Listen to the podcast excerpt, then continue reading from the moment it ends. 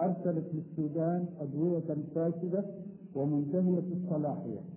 وقالت مجلة بريتش ميديكال جورنال إن هؤلاء الأطباء أعدوا قائمة تضم 19 نوعا من الأدوية الفاسدة والمنتهية الصلاحية وأرسلتها منظمات إغاثة دولية للسودان لمواجهة كارثة المجاعة فيه.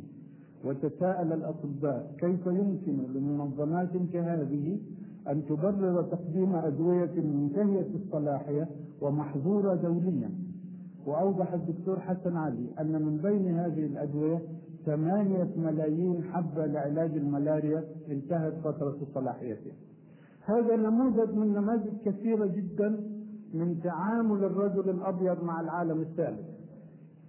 هنا آه لا توجد لا ضوابط خلقية ولا ضوابط إنسانية ولا ضوابط جوهرية إنما هي المصلحة والنفع.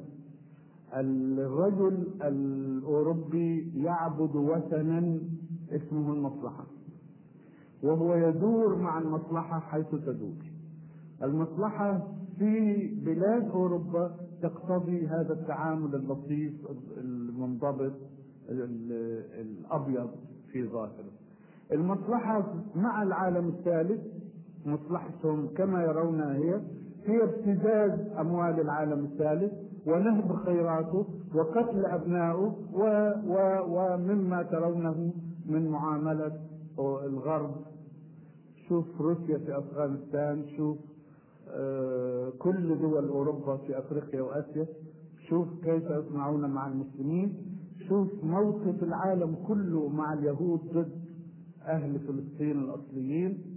يستسيغون طرد شعب بأكمله من أرضه ويعطون هذه الأرض لشعب غريب ولا تتحرك ضمائرهم بشيء من هذا ولا يوجد تناقض حقيقي بين هذه الأخلاقيات وتلك الأخلاقيات لأن الوثن الذي يعبدونه هو هو ومصلحة الوثن هي في التعامل الأبيض بينهم بعضهم وبعض والتعامل الأسود مع العالم الثاني. في الإسلام لم تكن الأخلاق على هذه الصورة إنما كانت لله. الميثاق الأخلاق في الإسلام ميثاق مع الله ولهذا لا تتغير لا مع رجل أبيض ولا مع رجل ملون لأن الرب المعبود واحد. هو معبود في أرض الإسلام وهو معبود في غير أرض الإسلام. بالنسبة للمسلم هو يعبد إلهه حيث كان. ولهذا حين كان المسلمون يذهبون إلى أقطار الأرض بأخلاقياتهم الحقيقية التي هي ميثاق مع الله كان الإسلام ينتشر في الأرض. ولعلكم تعلمون أن وراء الهند يعني أندونيسيا وما بعدها أسلمت كلها على يد التجار المسلمين. لا بالقتال ولا بدعاء الدعاء جاءوا متأخرين. لكن التجار الحضارمة الذين انطلقوا من هنا ليتاجروا وذهبوا بسمت الإسلام وأخلاق الإسلام وروح الإسلام هم الذين حببوا أهل هذه المناطق في دين الله فدخلوا أفواجا في ذلك الدين نتيجة الأخلاق الحقيقية لا المصلحية ولا النفعية. هذه نقطة أردت أن أضيفها. ما أدري تضعونها في الإيجابيات والسلبيات أترك الحكم لكم. بقي سؤالان أخيران من الأسئلة التي بدأنا بها الكلام. ماذا كان يكون شكل هذه الحضارة لو نبتت في أرض الإسلامية صيغة ثانية للسؤال ماذا خسر العالم بانحسار الإسلام أو انحسار الأمة الإسلامية؟ وبروز أوروبا على هذه الصورة معادية للدين معادية للقيم الأخلاقية. لو تصورنا أن الثورة الصناعية قامت في البلاد الإسلامية وهذا التصور ليس غريبا على المنطق لولا أن الأمة الإسلامية انحسرت وتضاءلت وتركت دورها أو نسيت دورها كان الأمر الطبيعي أنه الثورة الصناعية تنشأ في العالم الإسلامي. مؤرخ بريطاني اللي هو ويلز اللي هو عامل كتاب موجز تاريخ العالم يقول لو أن إنسانا وقف على مشارف القرن الثالث عشر وظن أن العالم كله معرض لأن يكون مسلما وأن يكون مغوليا بصفة خاصة لكان عنده حق في هذا الظن ولكن الظروف سارت في طريق آخر. يعني في بداية القرن السادس عشر 1500 وما بعدها كان يظن أن العالم كله يمكن أن ينفتح للإسلام. لكن الذي حدث مع الأسف أن الأمة الإسلامية تراجعت ونسيت رسالتها. بينما أوروبا تعلمت على علم المسلمين وتقدمت والمسلمون يزدادون تأخرا. لو تصورنا أن الثورة الصناعية اللي هي نشأت من اختراع الآلة نشأت في الأرض الإسلامية.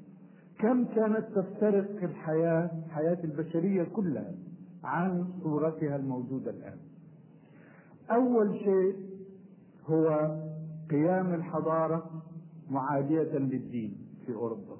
لو نشأت في العالم الإسلامي ما في عداء أبدا لأن الدين الإسلامي ليس كذلك الدين الكنسي الذي صنعته الكنيسة.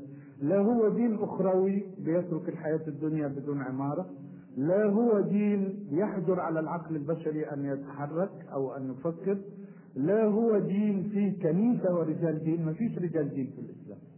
في علماء في فقهاء. وكل إنسان يتعلم ويتفقه يمكن أن يكون عالما وفقيها. لكن ما فيش كهنوت. ما فيش واحد يبقى النهارده رجل عادي ماشي في الشارع وبعدين بكرة يلبس المسروح يبقى صاحب قداسة. وتظل هذه القداسة ترتفع حتى يصل إلى قداسة البابا. ليس هذا في الإسلام.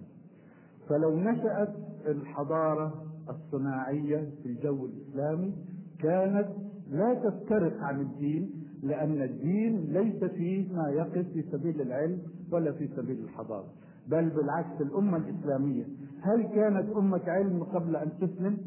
ما كان العرب مهتمين بالفلك ولا الرياضيات ولا الفيزياء ولا الكيمياء لكن لما أسلموا دفعهم الإسلام إلى البحث العلمي.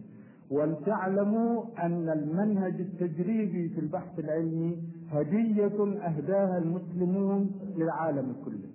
ولم يكن العلم قبل المسلمين يتجه اتجاها منهجيا تجريبيا إنما المسلمون هم الذين حولوا العلم الاغريقي الفلسفي النظري التجريبي إلى علم تجريبي واقعي. فلو نشأ العلم أو الصناعة في البيئة الإسلامية كان يسير التحضر جنبا إلى جنب مع الدين بل يتطور العلم والحضارة في ظل الدين. هذه واحدة. الثانية أنه ما دام الناس متدينين ومؤمنين بالله يبقى عندهم ضوابط أخلاقية. ولا تنشأ هذه المعادلة الفاسدة الخادعة إنه لا بد من تحطيم الأخلاق ولا بد من افساد المجتمع ولا بد من إخراج المرأة عارية في الطريق لتتقدم الأمة وتتحضر وتتعلم. هذه الأسطورة التي صنعتها الجاهلية المعاصرة لم تكن لتنشأ لو ظهرت هذه الحضارة في بيئة إسلامية. أمر أخطر من هذا. الثورة الصناعية حين قامت كانت في حاجة إلى مال وهذه بديهية. الصناعة محتاجة إلى مال. كان المال في أوروبا في ذلك الوقت في يد فئتين اثنتين فئة أمراء الإقطاع والمرابين اليهود أمراء الإقطاع رفضوا أن يمولوا الثورة الصناعية مين اللي مولها؟ المرابين اليهود ومن هنا بدأت سيطرة اليهود التي وصلت اليوم إلى قمتها اليهود ليه مولوا الثورة الصناعية؟ لأنهم لا يشغلون أموالهم الخاصة إنما يقرضون بالربا. فسواء كسب صاحب الصناعة أو خسر اليهودي ضامن ماله وضامن الفوائد الربوية. فوقعت الثورة الصناعية في يد اليهود من أول لحظة وتكدس الذهب في جيوبهم عن طريق الإقراض بالربا. والبنك البنك فكرة يهودية لحما ودما. ومهمة البنك هو هي أن يأخذ ودائع الناس ويقرضها بالفوائد ويعطي صاحب المال شيء من المكسب ويبقى المكسب الأصلي في جيب أصحاب البنك وهم اليهود. كان في محاضرة هنا في جدة من سنوات ألقاها واحد روسي هارب من الشيوعية وعايش في أمريكا. فأنا حضرت هذه المحاضرة وقال الرجل في مقال كابيتاليزم is the art of making money out of nothing. الرأسمالية هي فن استخراج المال من لا شيء. ده فن اليهود. هو فلوسه ما فيش ما بيشتغلش بفلوسه. بياخد فلوس الناس ويطلع منها ربح لنفسه وتدور الدورة الربوية. لو أن الصناعة نشأت في بيئة إسلامية تلتزم بمنهج الله لم تكن الصناعة تستلزم الربا ولم يكن اليهود لينشطوا نشاطهم الموجود الآن جمعوا الذهب في جيوبهم وسيطروا على سياسة العالم وعلى وسائل الإعلام في العالم وأفسدوا البشرية بما لهم من سلطة والفساد أنتم شايفينه دلوقتي جنون السينما يهودي.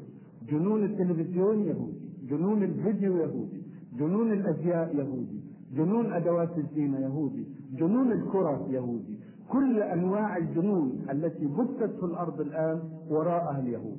ولولا أن المسلمين انحسروا وتركوا الفرصة لأوروبا فبرز اليهود كانت الصناعة والحضارة تقدمت بدون أن يظهر اليهود وبدون أن يسيطروا سيطرتهم الحاليه النقطة الأخيرة اللي نكمل بها حديثنا إيه موقف المسلم من هذه الحضارة؟ يرفضها إطلاقا يقبلها إطلاقا يرفض منها أشياء ويقبل منها أشياء نريد أن نرد على هذا السؤال لا ردا عاطفيا ولا انفعاليا إنما رد موضوعي المسلمون كانوا أمة العلم ثم هجروه لأنهم انحرفوا عن طريق الإسلام. والعلم الآن موجود في هذه الحضارة الغربية. فهل نترك العلم؟ لا لا نترك العلم لأننا مأمورون بتوجيهات ديننا أن نبحث عن العلم في كل مكان ونتعلم. والأمة الإسلامية مطالبة بأن تحوز أدوات التمكين في الأرض. والعلم من أدوات التمكين. ولا بد للأمة الإسلامية أن تحضر أن تحصل على العلم في أي مكان وبأي وسيلة. يبقى الجانب العلمي من هذه الحضارة غير مرفوض، لكن لما عليه تحفظات. أي كتاب علمي تقرأه في أوروبي لا تجد اسم الله عليه ولا فيه وتجد بدلا منه Nature capital N الطبيعة التي قال عنها دارون nature creates everything and there is no limit to الطبيعة تخلق كل شيء ولا حد لقدرتها على الخلق. المسلم لا يقول هذا لأن هذا شرك صريح.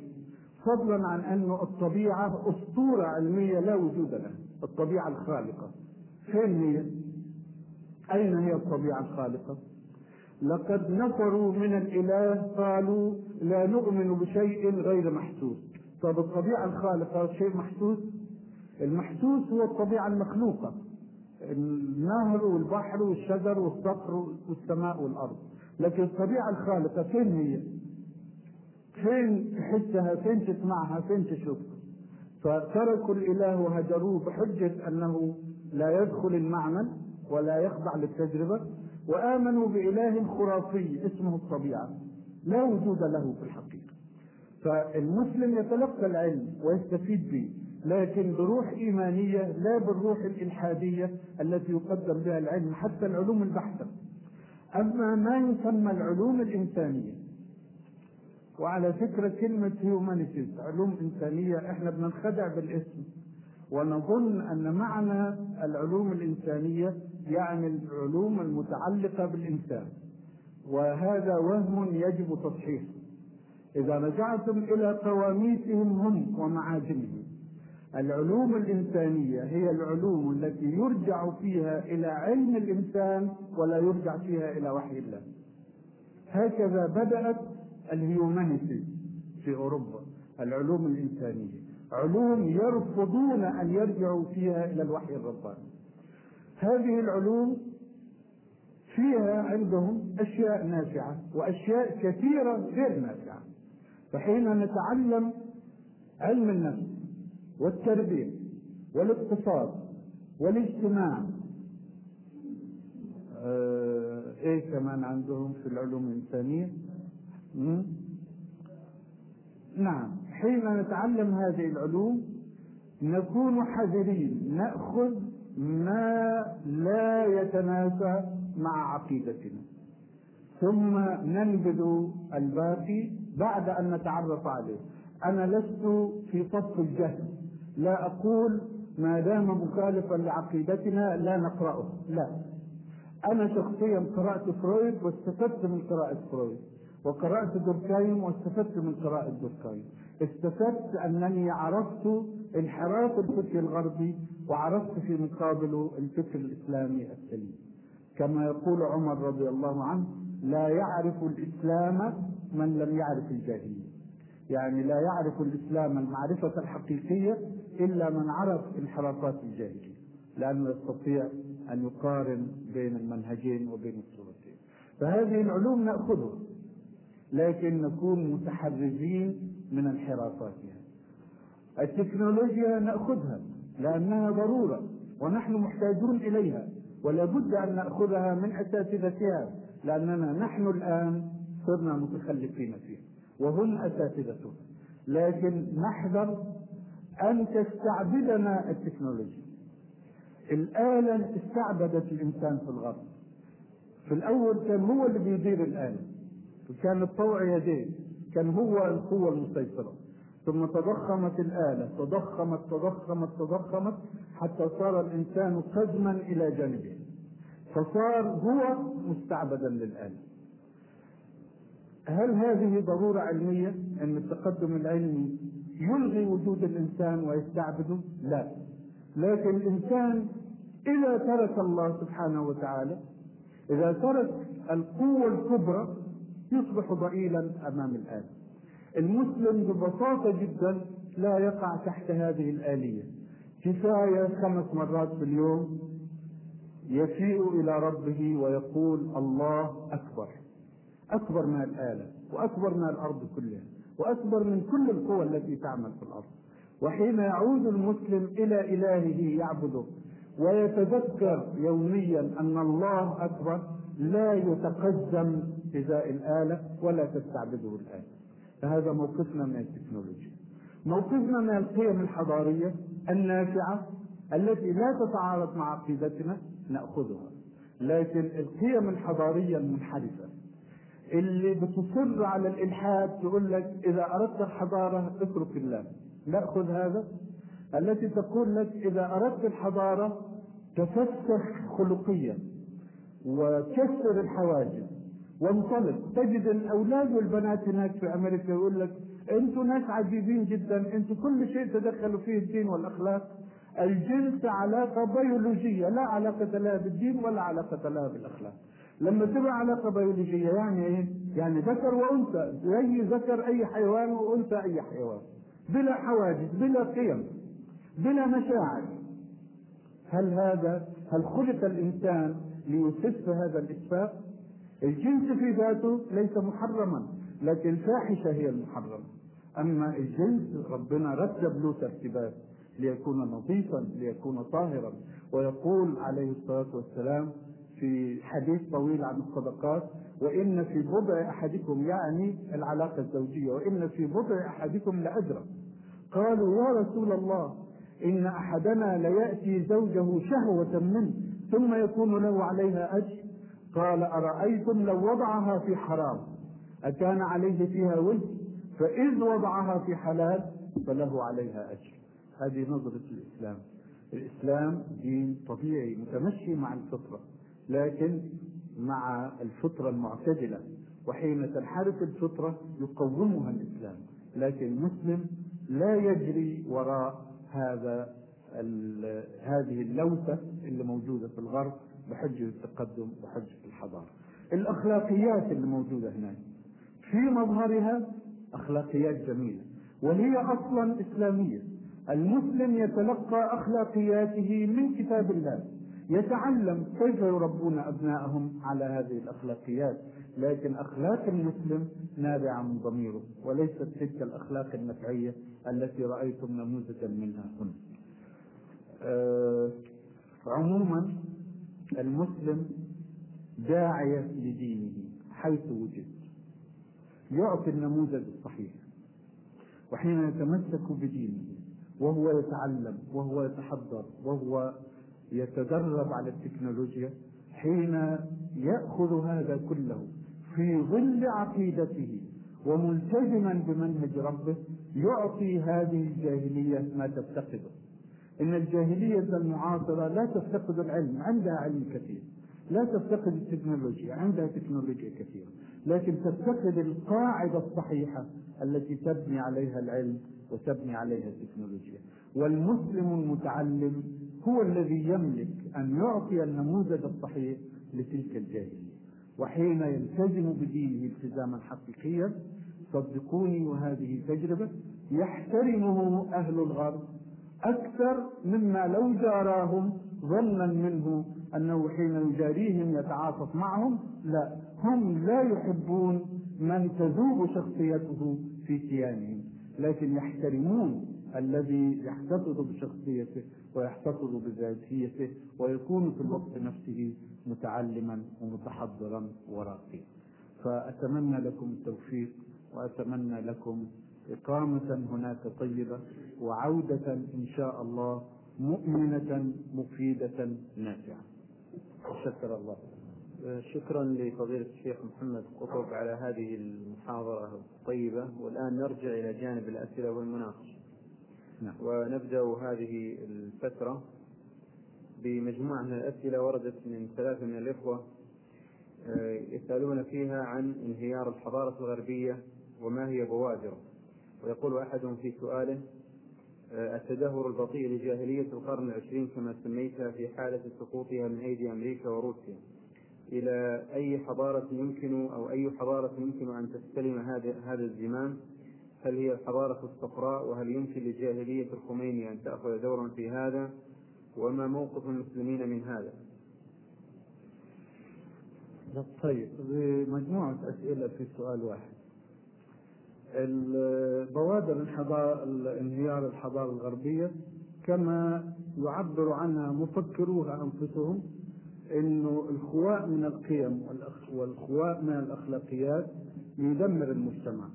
والانتشار الخمر والمخدرات والجريمة من النذر التي تنذر بانهيار هذه الحضارة لأن دلالتها أن المجتمع مفكك ولا يمكن أن تستمر حضارة بمجتمع مفكك المجتمع الذي تضخمت فيه ذاتية الفرد على حساب الروابط الاجتماعية والأخلاقية والروحية لا يمكن أن يعيش طويلا مهما كانت القوة المادية التي يحملها. وروسيا وأمريكا كلتاهما تشتركان في حضارة مادية واحدة. وإن اختلفت النظم الاقتصادية إنما قاعدة الرؤية واحدة والقيم التي تحكم الحياة واحدة. حين تنهار هذه الحضارة وهذه سنة ربانية لا تتخلف مهما كان بطيئا انهيار هذه الحضارة فلا يمكن أن تتخلف السنة. فحين تنهار هذه الحضارة من الذي يرثها؟ هذا غيب لا يستطيع أحد أن يجيب عليه. نحن نتمنى بعواطفنا أن ترث هذه الحضارة الحضارة الحقيقية الإسلامية. والصحوة الإسلامية الموجودة الآن من المبشرات التي نرجو أن تتحقق. لكن هل هي قطعا التي ترث لا نستطيع بالنسبة للمستقبل وهو غيب لا نستطيع أن نقطع بشيء. في احتمالات كثيرة. الحضارة الصفراء أو الجاهلية الصفراء ممكن أن تكون وريثا للحضارة البيضاء اللي موجودة الآن. بيضاء مش هي بيضاء يعني حضارة الرجل الأبيض.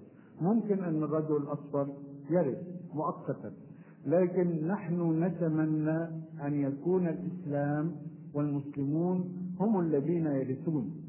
وهناك مبشرات هذه اليقظة الموجودة الآن من المبشرات. ولرسول الله عليه الصلاة والسلام أحاديث مبشرة. وإذا جاءت على لسان الرسول عليه الصلاة والسلام فهي حق لأنه لا ينطق عن الهوى. من بين هذه الأحاديث حديثان. أحدهما يخبر بمعركة تقع بين المسلمين واليهود ينتصر فيها المسلمون على اليهود. لا تقوم الساعة حتى يقتتل المسلمون واليهود فيقتل المسلمون اليهود حتى يقول الحجر والشجر يا مسلم يا عبد الله ورائي يهودي فتعال فاقتله أو كما قال عليه الصلاة والسلام. هذا الحديث يشير إلى أمرين في وقت واحد. إلى معركة فاصلة بين اليهود والمسلمين ينتصر فيها المسلمين وإلى أمر آخر وهو تغير القيادة البشرية. لأن القيادة اليوم في يد اليهود. فإذا هزم اليهود على يد المسلمين تتغير القيادة البشرية ويتولى المسلمون قيادة البشرية مرة أخرى كما تولوها من قبل. الحديث الآخر بمعناه وكثير من ألفاظه هو قوله عليه الصلاة والسلام تكون فيكم نبوة فتبقى في الأرض ما شاء الله لها أن تبقى ثم ترفع ثم تكون خلافة راشدة فتبقى في الأرض ما شاء الله لها أن تبقى ثم ترفع ثم تكون ملكا عاضا وفي رواية عضوضا فيبقى في الأرض ما شاء الله له أن يبقى ثم يرفع ثم يكون ملك جبرية فيبقى في الأرض ما شاء الله له أن يبقى ثم يرفع ثم تكون خلافة راشدة على منهج النبوة. فهاتان بشريان تبشران بأن للإسلام والمسلمين جولة أخرى ممكنة في الأرض. هل هم الذين يرثون الحضارة الأوروبية مباشرة أم هناك وسيط آخر يأتي قبل تمام اليقظة الإسلامية؟ هذا غيب لا نستطيع أن نتنبأ به والغيب لله سبحانه وتعالى. نعم.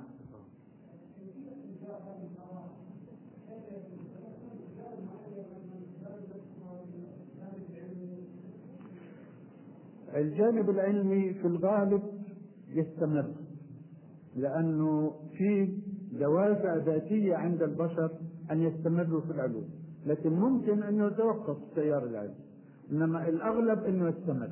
هو ينهار من جهة من جوانب أخرى.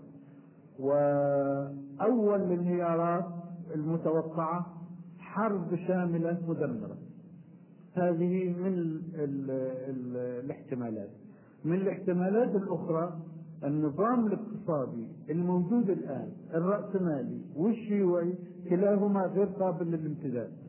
كلاهما في ثغرات تمنع من استمراره النظام الرأسمالي الربوي بينشئ أزمات دورية والأزمات دي كل مرة بتبقى أكبر من اللي قبلها ويمكن أن يحدث انهيار اقتصادي من هذه الناحية.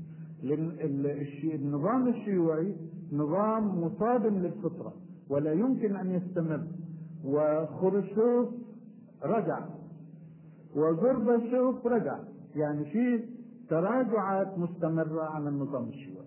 فممكن أن يحدث انهيار اقتصادي في الشيوعية أو في الرأسمالية أو في كليهما وبعدين السنة الربانية تمشي بأي صورة مصورة يعني قد لا يكون في تصورنا كل الوسائل التي تدمر هذه الحضارة لكن هذه من بين ما ينذر بانهيار هذه الحضارة. نعم. نعم.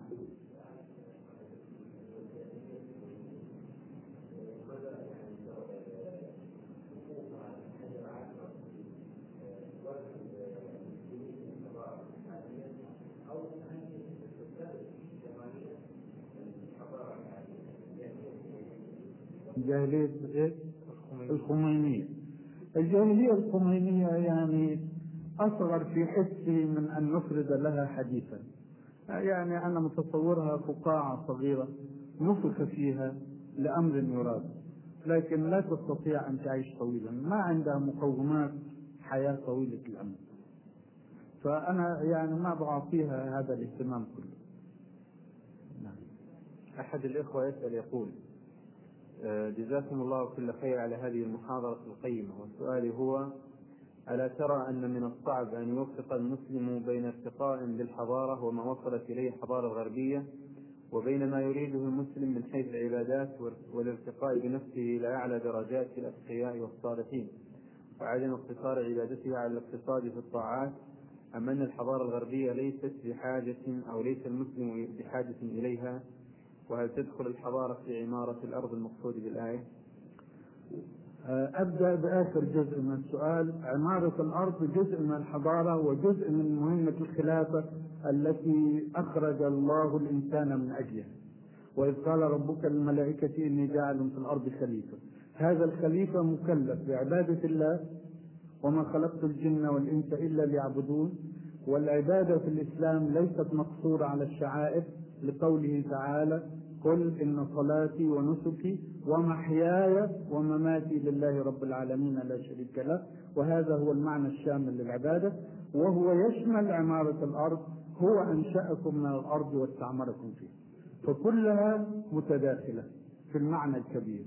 الخلافة وعمارة الأرض والعبادة كلها ذوات معاني مترادفة في الإسلام. فالعمارة المادية للأرض جزء من مهمة الخلافة التي يجب أن يقوم بها المسلم. وهكذا فهم المسلمون الأوائل فعمروا ما عمروا. وبعدين ناخذ جزئية من أوامر الله وأعدوا لهم ما استطعتم من قوة. هل يستطيع الآن الإنسان أن يحصل على القوة بغير علم وبغير تكنولوجيا؟ لا يمكن. فتنفيذ أوامر الله تلجئ المسلم إلجاء أن يتعلم وأن يتمكن من الأدوات الحضارية المادية لكن الفارق بينه وبين الجاهل الغربي إنه الجاهل الغربي بيأخذ هذه الأدوات غاية في ذاتها. أما المسلم فيأخذها وسيلة لإعلاء كلمة الله. يعني في هدف أبعد. ولهذا لا يستغرقه المتاع الحسي ولا العلم ولا التكنولوجيا إنما يأخذها كأدوات والذي يستغرقه هو الجهاد لأعلاء كلمة الله. جزء من السؤال هو عن الصعوبة أو التناقض بين التزامات الإسلام والالتزامات الحضارية. هذه الصعوبة صعوبة نظرية. الواقع وستجدون هذا وستجدون إخوة لكم سبقوكم هناك وأنشأوا قواعد إسلامية في أوروبا وفي أمريكا وعادوا إلى بلادهم أكثر إيمانا وأكثر التزاما مما ذهبوا. بغير تناقض ابدا وبغير صعوبة. حين يخلص الإنسان لهدفه حين يجعل عبادة الله وإعلاء كلمة الله هي هدفه وغايته يجد الأمر مذللا إن شاء الله. في مشقات الحياة كلها مشقات. يا أيها الإنسان إنك كادح إلى ربك كدحا فملاقيه. الكدح مش مشكلة لكن تصور إن في مشكلة بين الالتزام بالدين والحصول على القيم الحضارية ستذهبون وتجدون إخوة لكم في الإسلام سبقوكم وزادوا إيمانا وأنشأوا مراكز إسلامية في وسط الجاهليه. نعم. أحد الإخوة يسأل يقول فضيلة الشيخ تتجه أنظار الكثيرين من المسلمين عند الحديث عن الحضارة إلى جانبها المادي والتقني فقط. فما مدى صحة هذه النظرة؟ وهل هناك جوانب حضارية يمكن أن ينظر إليها على أنها الفتح الجديد الذي يمكن أن يدخل به المسلمون عالم اليوم وميدان الحضارة؟ نعم لا شك.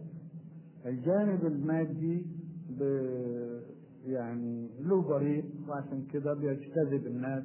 بادئ ذي بدء لكن إذا رجعنا إلى الحضارة الإسلامية التاريخية نجد أنهم هم كان عندهم العلوم وعندهم العمارة يعني الشوارع والمدن والطرق وهذا كله وهم يقولون لا إله إلا الله ويعبدون الله ويسيحون في الأرض لإعلاء كلمة الله. هذا هو النموذج الذي تفتقده الجاهلية المعاصرة والمسلم فقط هو الذي يملك تقديم النموذج الصحيح. يأخذ من العلم بقدر ما تطيق طاقاته وهو عابد لله نظيف طاهر ملتزم بمنهج الله. فيعلم البشرية الحاضرة درسا أن الحضارة لا تقتضي الإلحاد بالله. الحضارة لا تقتضي التفتق الخلقي. الحضارة لا تقتضي تعرية المرأة وإهدار إنسانيتها وتحويلها إلى لعبة جنسية. الحضارة الحقيقية ممكن أن تتم في ظل عبادة الله. وتكون عندئذ أعلى لأنها هي ذاتها من الجانب المادي لكن متلبسة بالقيم العليا وبنظافة الأخلاق. فلا تعارض وهذه هي مهمة المسلم التي إن شاء الله يقدمها للبشرية. تفضل.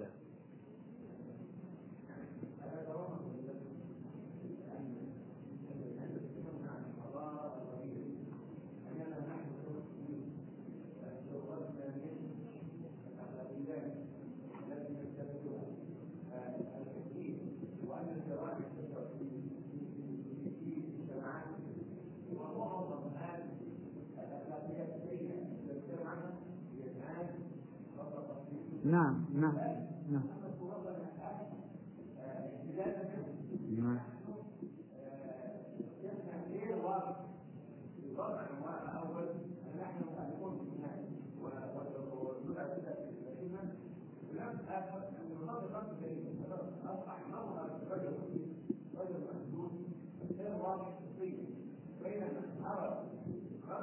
انه اخذ الخط بعد عن الله واوضح هويته وشخصيته أكثر مما هو حال للمسلمين في بلاد الاسلام. فانهيار الحضاره الاسلاميه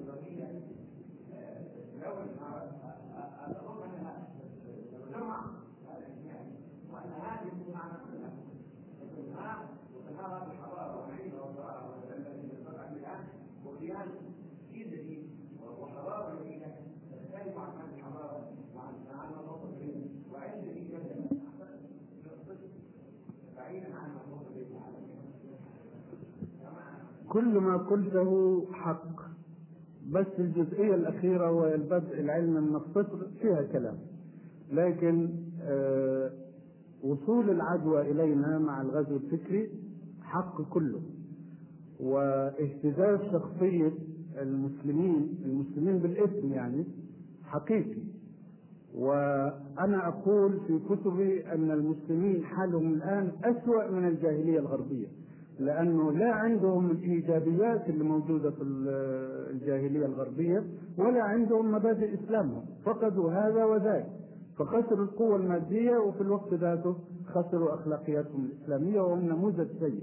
حين أقول الإسلام والمسلمين لا أقصد هذا الغثاء الذي أشار إليه رسول الله عليه الصلاة والسلام في قوله يوشك أن تداعى عليكم الأمم كما تداعى الأكلة إلى قطعتها. قالوا أمن قلة نحن يومئذ يا رسول الله؟ قال أنتم يومئذ كثير ولكنكم غثاء كغثاء السيل لا أقصد هذا الغثاء إنما أقصد الصحوة الإسلامية التي تعرف لا إله إلا الله على حقيقتها وتمارسها ممارسة حقيقية وتعرف مهمة المسلم في الأرض. المسلم شيء ثمين جدا. الله أخرج هذه الأمة وقال عنها كنتم خير أمة أخرجت للناس. وقال عنها وكذلك جعلناكم أمة وسطا لتكونوا شهداء على الناس. ويكون الرسول عليكم شهيدا.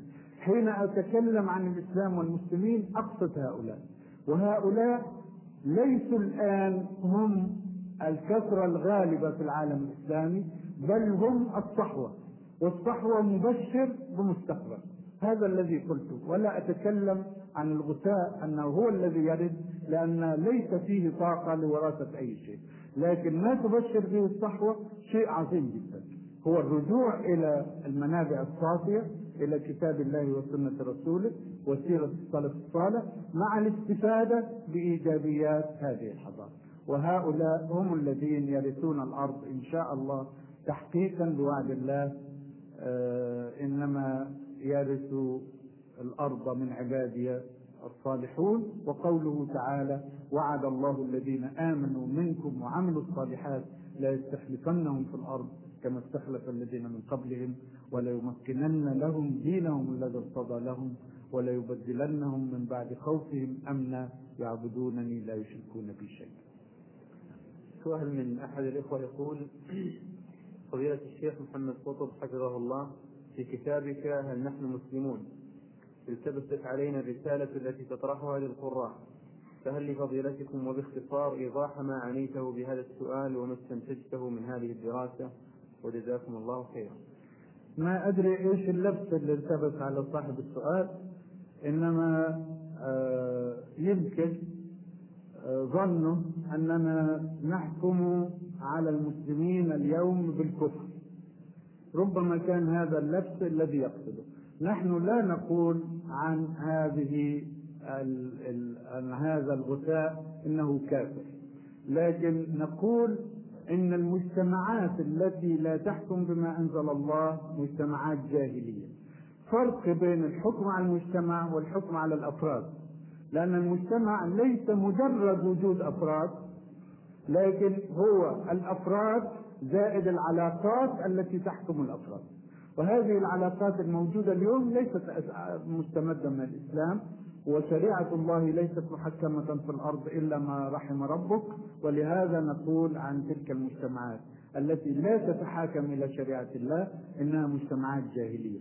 لكن أفراد الناس لهم حكم خاص. إيه الحكم الخاص؟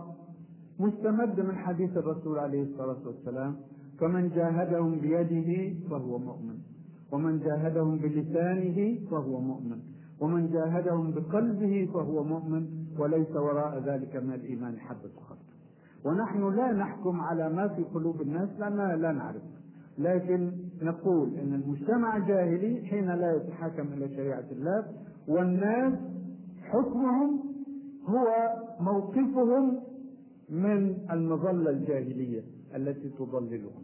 هل هم موافقون عليها أم منكرون لها هذه هي القضية التي ربما التبست على السائل. نحن لا نقول إن الناس ليسوا مسلمين لكن نقول إن المجتمعات التي لا تتحاكم إلى شريعة الله هي مجتمعات جاهلية بصرف النظر عن عقائد أفراد.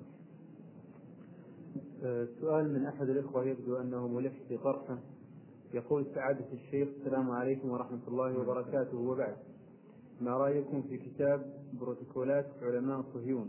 وهل ما كتب فيها صحيحا؟ وهل توجد هنالك نسخة منها في اللغة الإنجليزية؟ ولكم جزيل الشكر. أي موجود في كل اللغات البروتوكولات. أه الترجمات اللي ظهرت بالعربية هي مترجمة من الترجمة الإنجليزية. وثائقية الكتاب يعني هل هو صحيح وثائقيا أم لا؟ لا نستطيع أن نحكم. لكن نقول أنه سواء كان هذا الكتاب صحيحا من الوجهة الوثائقية أم إنه تصور لإنسان قرأ ما في ذهن اليهود وكتب على لسانهم هذا في الحالين الكتاب صحيح.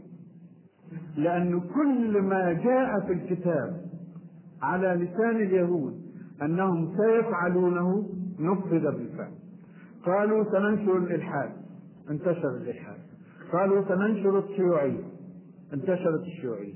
قالوا سننشر الفساد الخلق. انتشر الفساد الخلق. قالوا سنسيطر على وسائل الآلام. سيطروا على وسائل الآلام. قالوا سنجعل الأمميين يدورون حول ألفاظ ومفاهيم لا يدركون حقيقتها ونحن مستفيدون به.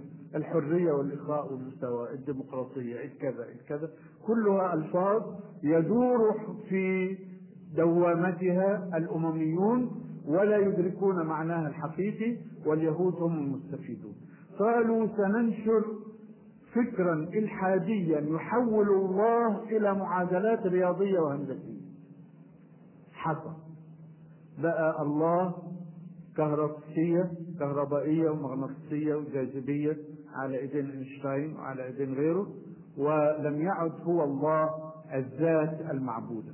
كل هذا جاء في البروتوكولات. فإذا وجدنا هذا كله مطبقا هذا يصدق ما جاء في البروتوكولات. هل البروتوكولات كتاب حقيقي نشأ عن مؤتمر حقيقي اجتمع فيه اليهود وقرروا أن يصنعوا كذا وكذا؟ أم هو رؤية ثاقبة لإنسان قرأ ما في ذهن اليهود وكتب على لسانهم؟ يستوي هذا وذاك. فنحن لا نقول من الوجهة العلمية أن كتاب البروتوكولات موثق لكن نقول إنه كتاب حقيقي من ناحية تعبيره عن مخططات اليوم نعم. في سؤال من أحد الإخوة. أحد الإخوة يسأل يقول رغم أن الصورة للحضارة الإسلامية كانت مشرقة في جزء من أوروبا وهو بلاد الأندلس بعيدا عن سيطرة الكنيسة ومع هذا انحسر الإسلام في تلك البلاد رغم الإيجابيات الحميدة التي كان يذكر بها. والسؤال ما هو وجه المقارنة في محاربة الكنيسة للتفكير العلمي وما حدث للمسلمين في الأندلس رغم سماحة ومحاسن الدين الإسلامي؟ المسلمين في الأندلس رغم كل الحضارة اللي كانت بين أيديهم وكل الطاقة العلمية اللي كانت في أيديهم التي تتلمذت عليها أوروبا ثلاثة قرون كاملة حتى بدأ العلماء الأوروبيون يبرزون إلى الوجود ويمتدون بالخط العلمي إلى آفاق جديدة. مع هذه الإيجابيات كان قد أصابهم الترف أولا والترف من المهلكات. وإذا أردنا أن نهلك قرية أمرنا مترفيها ففسقوا فيها فحق عليها القول فدمرناها تدميرا. فالترف كان من أشد الآفات التي أصابت المسلمين في الأندلس. أيضا آه، فتنتهم بالدنيا واستعانتهم بالصليبيين ضد بعضهم البعض. يعني أمراء مسلمين يستعينوا بالصليبيين واحد ضد الآخر. فهذا هو الذي قوى الصليبيين وجعلهم في النهاية يطردون الإسلام والمسلمين من الأندلس كان عندهم سلبيات. الترف أولا وعدم الالتزام بأوامر الله الذي قال لهم يا أيها الذين آمنوا لا تتخذوا بطانة من دونكم يعني من غيركم يعني من غير المسلمين. بطانة من دونكم لا يألونكم خبالا. ودوا ما عنتم. قد بدت البغضاء في أفواههم وما تخفي صدورهم أكبر. فعدم التزام المسلمين بهذه الأوامر واستعانتهم باليهود والنصارى ضد بعضهم البعض كان من أسباب انهيار الحضارة الإسلامية. أحد الإخوة يسأل يقول فضيلة الشيخ جزاكم الله خيرا. وسؤاله ذكرتم في محاضرتكم محاكم التفتيش التي أقامتها الكنيسة ضد من يخالف تعاليمها من النصارى أنفسهم. هل بالإمكان إعطاءنا فكرة عن محاكم التفتيش التي أقيمت بالأندلس بعد سقوط الخلافة الإسلامية؟ هي هي. لكن أبشع صورها هي التي كانت في الأندلس. يعني الكنيسة الكاثوليكية أنشأت محاكم التفتيش ضد كل من يخالف الكاثوليكية حتى البروتستانت حتى حتى من المذاهب النصرانية. لكن أفظع ما حدث من محاكم التفتيش هو ما حدث في الأندلس الإسلامية لطرد المسلمين من الأندلس. وكان رجال سميهم المباحث سميهم المخابرات بتوع رجال المحاكم التفتيش إذا سمعوا يدورون في الليل فإذا سمعوا همهمة قراءة قرآن يدخلون البيوت ويفتكون بأهلهم أو إذا دخلوا بيتا فوجدوا فيه حماما. وتعجبون أن أوروبا إلى القرن السادس عشر لم تكن تعرف الحمامات الخاصة داخل البيوت. إنما كان في حمامات عامة. أما الحمامات الخاصة فكانت في بيوت المسلمين من تعاليم الإسلام لأن المسلم يتوضأ ويغتسل ولا بد له من حمام في بيته. فكانت الحمامات الخاصة علامة على أن البيت مسلم. هذا بعد أن تنصر المسلمون ظاهرا تحت الضغط وتسموا بأسماء نصرانية وبقوا على إسلامهم سرا 200 عام حتى انتهى الإسلام في الأندلس. كانوا إذا دخلوا بيت وجدوا فيه حمام يعرفون أنه بيت مسلم ويفتكون به وهذا أفظع ما طبقته محاكم التفتيش. هو صورته في الأندلس. سؤال من أحد الإخوة يقول فضيلة الشيخ محمد قطب حفظه الله إذا اعترفنا أن المجتمعات الإسلامية الحالية هي مجتمعات فقدت هويتها الإسلامية ولم تأخذ إيجابيات الغرب وبالتالي فهي مجتمعات تشرف على شفا الهاوية فهل نقول أن العلاج يمكن أن يفيد في هذه المجتمعات التي استفحل فيها المرض؟ أم أننا لكي ننشئ مجتمعات إسلامية صحيحة تحكمها حكومات إسلامية صحيحة؟ يجب أن نقوض المجتمعات الحالية من أساسها مع ما يستتبع ذلك من ثورات وفتن. نرجو من فضيلتكم توضيح هذا الأمر. لا إحنا بنبني بننشئ نشأة جديدة. مؤمنة مجاهدة آه، واعية تعرف حقيقة لا إله إلا الله ومقتضياتها وتعرف شمول هذا الدين للدنيا والآخرة ونجعل هذه البذرة الجديدة نموذجا يحتذى. فتتسع القاعدة وفي يوم من الأيام تصل هذه القاعدة إلى القيادة فيتغير أحوال العالم الإسلامي. التفكير في التقويض الآن دون أن يكون البديل جاهزا ما قيمته؟ لا ينتج شيئا. ولهذا قلت في كتابي واقعنا المعاصر نصيحة للجماعات الإسلامية ألا تستعجل الصدام مع السلطة قبل أن تنشئ النموذج الذي يرث الأرض.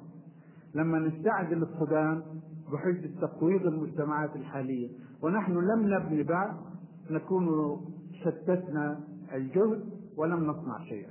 المنهج ناخذه منين؟ من رسول الله عليه الصلاة والسلام. بنى البذر القاعدة الجديدة. في بيت الأرقم كان يصنع هذا. كان يربي الصحابة رضوان الله عليهم. وصحيح إنه في 13 سنة لم يتربى إلا عدد قليل. تقول بعض الروايات إنه 74 تقول روايات أخرى إنه 170 لكن كم كان وزن الواحد من هؤلاء؟ مثال بسيط جدا يدينا النسبة الحسابية. عمرو بن العاص في مصر أرسل إلى الخليفة عمر بن الخطاب رضي الله عنه يقول إن الروم يحاصروننا فأرسل لنا مددا. فأرسل له أربعة آلاف. وأربعة من الصحابة رضوان الله عليهم. وقال له أرسلت إليك ثمانية آلاف. وأنتم في مصر أربعة آلاف تبقوا 12 ألف ولن يغلب اثنا عشر ألفا من قلة فاعتبر الأربعة من الصحابة بأربعة آلاف. وعمر رضي الله عنه رجل لا يمزح مش دعابة منه دي. دي حقيقة وزن حقيقي للرجال الواحد بألف. فحين أنشأ الرسول عليه الصلاة والسلام هذه القاعدة المؤمنة الصلبة على هذا النسق العالي جاء الأمر الرباني بالإذن بالقتال قبل هذا كان المسلمون بعض المسلمين يقولون إلى متى نسكت على الإهانة والذل؟ دعنا نقاتلهم يا رسول الله. قال ما أمرنا بقتال فلما بنيت هذه القاعدة وعلم الله تجرد قلوبها لله سبحانه وتعالى قال أذن الذين يقاتلون بأنهم ظلموا وإن الله على نصرهم لقدير وجاء الإذن بالقتال بعد ذلك. فنحن نبني أولا قبل أن نفكر في التقويم ومن هنا يسير الخط سيرا سليما ويكون النموذج المطلوب موجودا أمام الناس. لكن نحن الآن نحدث الناس نظريا نقول لهم الإسلام كذا وكذا وكذا. ما أخرجنا النموذج الإسلامي الحقيقي الذي نقنع به الناس كوسيلة إيضاح. نقول لهم هذا هو الإسلام نظريا وهذا هو التطبيق العملي حين ننشئ هذه القاعدة يأتي تلقائيا الصدام الذي يؤدي إلى نصر الفئة المؤمنة على الجاهل. أحد الإخوة يسأل يقول آه السلام عليكم ورحمة الله وبركاته. على أي أساس بنيت بنيت الديانة في الكنيسة ومنذ متى بدأ التحريف والتعديل في أساس الديانة المسيحية؟ وفقكم الله. التحريف بدأ مبكر جدا مع الأسف. فتنة تأليه عيسى بدأت مبكرا بدأت في القرن الأول الميلادي. لكن التحريف بلغ ذروته في القرن الرابع في مجمع نيتشه اللي هو سنة 325 سنة 325 ميلادية أيام قسطنطين لما جمع كل الأحبار وقال لهم تنافسوا في مسألة الربوبية والألوهية.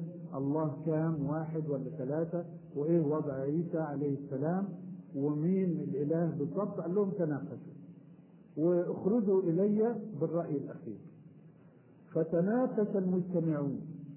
والأغلبية كانت موحدة. والأقلية كانت مثلثة. فطرد الأقلون الأكثرين. وأصدروا قرارات المجتمع. برأي الأقلية الذي اعتنقه آه، قسطنطين وفرضه فرضا على الإمبراطور لكن إلى القرن الرابع كان هناك موحدون. وحين تغلب المثلثون المشركون بدأوا يضطهدون الموحدين. وجاء عصر الشهداء اللي خلى الموحدين يخرجوا إلى أطراف الصحارى وينشئوا الأديرة فرارا من التعذيب الذي أوقعه عليهم المشركون المثلثون لكن التحريف على أي حال بدأ مبكر جدا. والسبب الأكبر في هذا أنه أن الإنجيل لم يصل إلى الناس على حقيقته إنما وصل رواية عن تلاميذ والتلاميذ حرفوا وأشد المحرفين كان هو شاول اليهودي الذي تسمى باسم بولس ودخل في النصرانية ليفسد لا ليفسد. فهذا هو تاريخ التحريف في النصرانية. أحد الإخوة يسأل يقول أشرتم فضيلة الأستاذ إلى عمل المرأة جنبا إلى جنب مع الرجل في الغرب بكل جدية دون التفاتة أو إحساس أين يمكن أن نضع هذا الأمر؟ هل في جانب الإيجابيات أم السلبيات؟ طبعا هو في جانب الإيجابيات لكن خروج المرأة أصلا من البيت لتعمل ويصبح العمل هو هدفها الأساسي هذا من السلبيات. فهي سلبيات وإيجابيات متداخلة بعضها مع بعض. الجدية في العمل وإعطاء العمل حقه هي من الإيجابيات لكن الاختلاط الذي أنشأ الفساد الخلقي هو من السلبيات صحيح المرأة والرجل بيجلسوا في مكان واحد للعمل لا يكلم أحدهما الآخر ولا يلتفت إليه. لكن بمجرد ما تنتهي ساعة العمل ينقلب هو وهي إلى حيوانين شهوانان. فتتفسخ الأسرة وتتفسخ الأخلاق. ولا يمكن في حياتهم نزع هذه من تلك أما في حياة المسلمين فممكن أن تستقيم الأمور لأنها تقوم على قاعدة عبادة الله واتباع منهج الله. تفضل.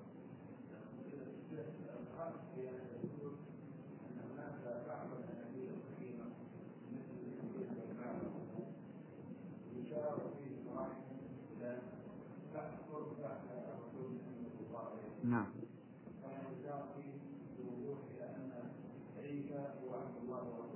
نعم. نعم. إنجيل برنابا بالذات يعني امرت الكنيسة باحراق كل نسخه وإهدار دم من يضبط معه نسخة من إنجيل برنابا. لأنه صريح في الإشارة إلى أحمد عليه الصلاة والسلام ومبشرا برسول يأتي من بعدي اسمه أحمد. واسم أحمد مش محمد عليه الصلاة والسلام. ورد صريحا في إنجيل برنابا وورد صريحا قول عيسى إني عبد الله ورسوله. ولهذا كانت الكنيسة تضطهده أكثر من بقية الأناجيل. وكان في حوالي سبعين إنجيل أو مئة فيما يقال.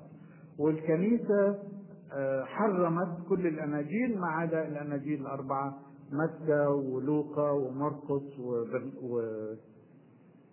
وإيه؟ متى مرقس لوقا. يوحنا. دي الأناجيل اللي اعتمدت. والباقي ألغي. لكن بالذات إنجيل برنابا توعدت الكنيسة من يضبط عنده بالحرف حيا ولهذا تشكك الكنيسة الآن في إنجيل برنابا الموجود. تقول نحن أحرقناه فمن أين لكم هذا؟ وأنا حسلم أنهم أحرقوه. لكن لماذا أحرقوه؟ لو لم يكن ضد معتقداتهم ما اضطهدوا هذا الاضطهاد. الذي حدث أن هناك نسختين اثنتين نجتا من الحريق. إحداهما نجت جزئيا والثانية نجت كليا وهما الموجودتان في المتحف البريطاني وعنهما وردت الترجمات العربية. نسخة جزء منها محروق وجزء سليم ونسخة سليمة 100% أنا أقول لك أكثر من هذا.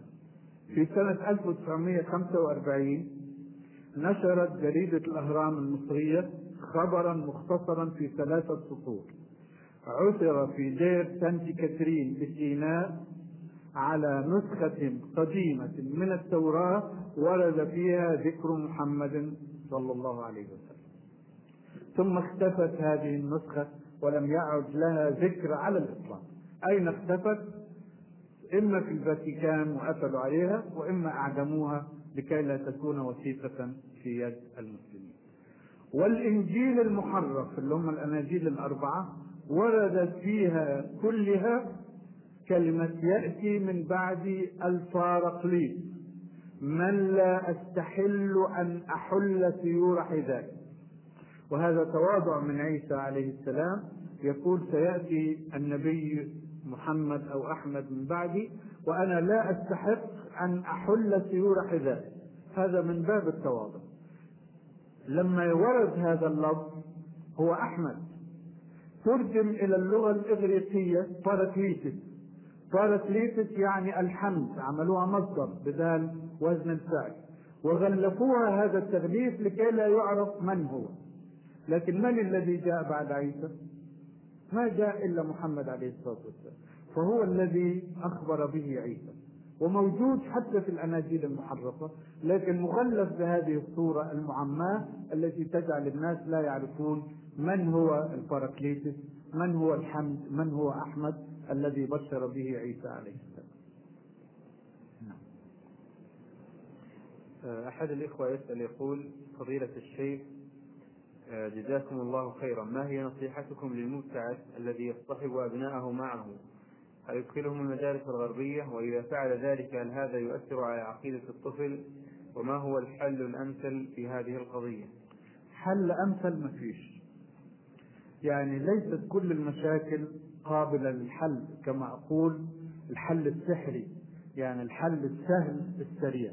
هي معاناة والذي يأخذ أولاده معه سيعاني ولا بد من هذه المعاناة. سيتشرف من المجتمع الذي حوله. الجهد الذي يستطيع الأبوان المسلمان أن يبذلاه مع أولادهما هو كما أشبهه لو ألبست ابنك ثوب نظيف وخرج إلى الشارع فاتسخ ثوبه وعاد به متسخا ماذا تصنع؟ اغسل له الثوب. نظفه من الأدران التي على خده سيخرج مرة أخرى إلى الشارع ويوسخه لا تتركه بوسخته هذا كل ما يستطيعه الأبوان المسلمان من جانب آخر يعني مداومة المتابعة والملاحظة لإزالة الأوساخ أولا بأول لكي لا تعلق بالثوب النظيف. أيضا البحث عن القواعد الإسلامية. في في الغرب قواعد إسلامية. أسر محافظة. وأبناؤها قد تربوا على الإسلام قدر الطاقة. فحين تجعل بينك وبين هذه المجتمعات صلة وبين أبنائك والأولاد المسلمين الملتزمين هناك صلة يكون هناك شيء من الضمان والضمان كله عند الله سبحانه وتعالى. إنما علينا أن نبذل الجهد والنتائج في يد الله سبحانه وتعالى.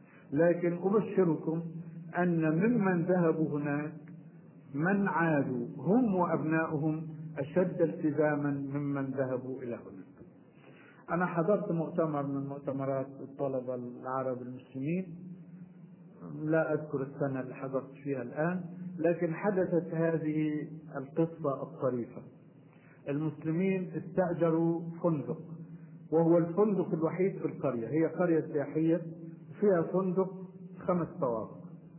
فالمؤتمر استأجر الفندق بكامله. صاحب الفندق رحب جدا وأعطاهم الفندق وبعدين في ثالث يوم قص علينا المشرف على المؤتمر هذه القصة. قال إنه مدير الفندق استدعاني صباح اليوم. وقال لي ما حكايتكم؟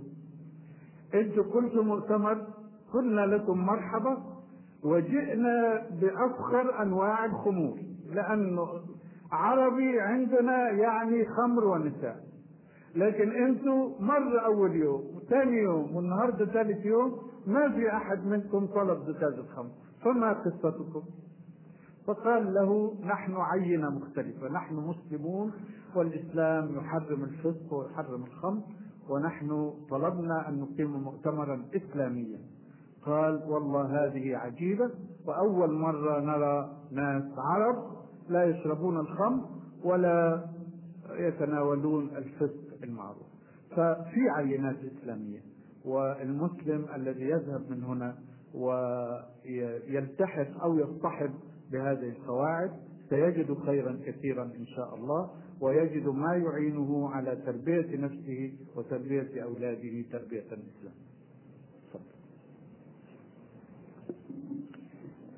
سؤال من أحد الإخوة يقول في عنوان محاضرتكم الحضارة المعاصرة في الميزان بينتم مزايا وعيوب تلك الحضارة المادية الزائفة. ولكن كثيرا من المفكرين والمثقفين وأبنائنا افتتنوا بتلك الحضارة وأخذوا غثها وثمينها بدون عرضه على الإسلام ومبادئه فضلوا وأضلوا. فما الذي أدى إلى خلل هذا الميزان واضطراب المقاييس ومعايير الوزن على المثل والمبادئ؟ وما خطر ذلك؟ وكيف نصلح ونقيم هذا الميزان؟ وما أثر ذلك على واقعنا المعاصر وجزاكم الله خيرا. هذا السؤال يحتاج إلى محاضرة قائمة بذاتها يعني لا يجيء في ذيل محاضرة أخرى. لكن الإجابة المختصرة أن المسلمين تركوا دينهم وانحرفوا عنه فظلوا ينحدرون حتى صاروا إلى ذلك الغثاء. الغثاء ليست له جذور. ولهذا تأخذه دوامة السيف. جذور هذه الأمة هي لا إله إلا الله محمد رسول الله. الحقيقية لا المنطوقة باللسان فقط إنما التي ينطقها اللسان ويمتلئ بها القلب وتنعكس في السلوك. حين كان المسلمون أقوياء الجذور لم تكن أشد السيول تستطيع أن تقتلعهم من الأرض. لما الجذور خفت اقتلعتها الدوامات فصاروا يدورون مع الدوامات وصار هناك ناس اسمهم مفكرين اسمهم كتاب اسمهم كذا يحملون أسماء إسلامية وقلوبهم بعيدة عن الإسلام ولهذا يرون الأمور بعين أوروبا وينطقون بلسان أوروبا وإن نطقوا باللغة العربية فيقيمون المثل والقيم الغربية المادية في مجتمعنا الإسلامي. العلاج طبعا أن نعود إلى أصول الإسلام الصحيحة وهذا ما تحاوله الصحوة الإسلامية بعون الله. سؤال من احد الإخوة يقول هل صحيح أن الغرب لا يلقب البابا بلقب قداسة البابا وإنما هو لقب فرض باللغة العربية وإذا كان هذا صحيح فلماذا ذلك؟ البابا أعطى نفسه قداسة من من ساعة البابويه ما اتولدت لأنه استندوا إلى نص. ما ندري حقيقته ولا نظن حقيقة. إنه إن المسيح عليه السلام قال لبطرس وهو أحد تلاميذه الاثني عشر هنا على هذه الصخرة تبني كنيستي وما تربطه أو يعني تحكمه في الأرض يظل مربوطا في السماء. فأعطى بطرس بهذا نيابة عنه. ولما كان هو في نظر النصارى الها فإن بطرس استمد من هذه النيابة هو نائب الله في الأرض. فمن هنا كلمته مقدسة. يعني هي سلسلة من الأساطير كلها مربوطة ببعضها. إن عيسى إله وإن هذا هو نائب في الأرض فله قداسة لأنه نائب الإله. ومن هنا قالوا إن البابا هو ظل الله في الأرض وهو المتحدث باسم الله. God spokesman المتكلم باسم الله. ومن هنا صارت له قداسة. وكلمة القداسة موجودة عندهم. لما تلاقي في الصحف الإنجليزية the Reverend يعني المحترم أو المقدس. the Reverend فلان. فلفظ القداسه لسنا نحن الذين اضفيناه على البابا إنما هو اسمه كده قداسه البابا عندهم. وهو مقدس حقيقة وإن كان الآن يعني خف وزنه لكن مقدس بدرجة أن ما يقول ولو كان مخالفا للتوراة والإنجيل يعمل به. وهذا قوله تعالى اتخذوا أحبارهم ورهبانهم أربابا من دون الله. ربنا حرم الخمر البابا أحل لهم الخمر. ربنا حرم الخنزير البابا أحل لهم الخنزير. ربنا أوجب الختان البابا حرم عليهم الختان. فاتبعوا البابا. هذه الثلاثة من كبار جرائمهم لكن في مخالفات كثيرة. إنما دي أوضح المخالفات التي خالفوا فيها أمر الله علانية استنادا إلى قداسة البابا فالقداسة عندهم حقيقية. نعم. سؤال لعله يكون الأخير إن شاء الله في هذه المحاضرة. يقول فضيلة شيخنا الأستاذ محمد قطب حفظه الله. السلام عليكم ورحمة الله وبركاته. ذكرتم أنه من إيجابيات الحضارة الغربية الجلد والمثابرة على العمل. نرجو من فضيلتكم تبيان الطريق لنا لكي نحقق تتحقق لنا هذه الإيجابية. لأننا سوف نبتعث بإذن الله إلى تلك الديار ولكي لا نصاب بالإحباط عندما نرى ما هم عليه من الجد والمثابرة. إن شاء الله لا تصابون بالإحباط بس ارجعوا إلى تاريخكم وشوفوا كيف كان علماء المسلمين كيف كان الفقهاء الكبار. آه، مالك وابن حنبل والشافعي وكلهم وابن تيمية وكل الأئمة الكبار كيف كانوا؟ كيف كانت حياتهم؟ كيف كان جلدهم ومثابرتهم؟ كيف كانت خدمتهم للعلم؟ كيف كانوا ينذرون حياتهم كلها لله سبحانه وتعالى؟ تلك هي النماذج التي نعود إليها؟ مع الأسف نحن فقدناها الآن. جزء منها مادي نفعي موجود في أوروبا وعلينا أن نتعلم منهم رضينا أم أبينا. لكن لكي تكون كفتنا هي الراجحة لكي نكون أصلاء لا مقلدين فلنرجع إلى تاريخنا ولنرجع إلى عظماء هذه الأمة ونرى كيف كانوا يثابرون ويجدون وينقطعون للعلم ولإعلاء كلمة الله.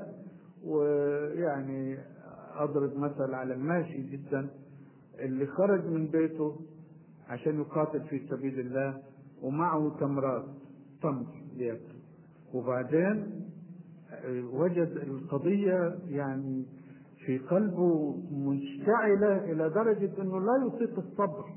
فقال لئن بقيت حتى أنتهي من هذه إن هذا لأمر يطول. ورمى الثمرات ودخل المعركة. ده نموذج من النماذج الإسلامية. والفقهاء الكبار كيف كان الواحد منهم يبقى في المسألة سنة وسنتين وثلاثة ولا يفتي حتى ينتهي من مراجعة الآيات ومراجعة الأحاديث ويسافر آلاف الأميال ليسمع كلمة من واحد حافظ حديث من أحاديث الرسول عليه الصلاة والسلام. هذه هي النماذج التي علمت أوروبا كيف يكون العلم. ونحن الآن مع الأسف إذ فقدنا هذه الخصال نضطر إلى تعلمها من أوروبا. لكن ونحن نتعلمها من أوروبا فلنتذكر تاريخنا ولنتذكر عظماء أمتنا فتكون لنا الأصالة ولا نكون مقلدين. وإن شاء الله تعودون موفقين لا محبطين ولا منهزمين أمام هذه الحضارة المادية آه، نشكر فضيلة الأستاذ الشيخ محمد قطب على هذه المحاضرة وهذه الإجابات الشافية ونشكر لكم جميعا ونسأل الله سبحانه وتعالى أن يجعل ذلك في موازين أعمالنا جميعا يوم نلقاه وأن يتقبل منا صالح العمل. والسلام عليكم ورحمة الله وبركاته. شكرا لك.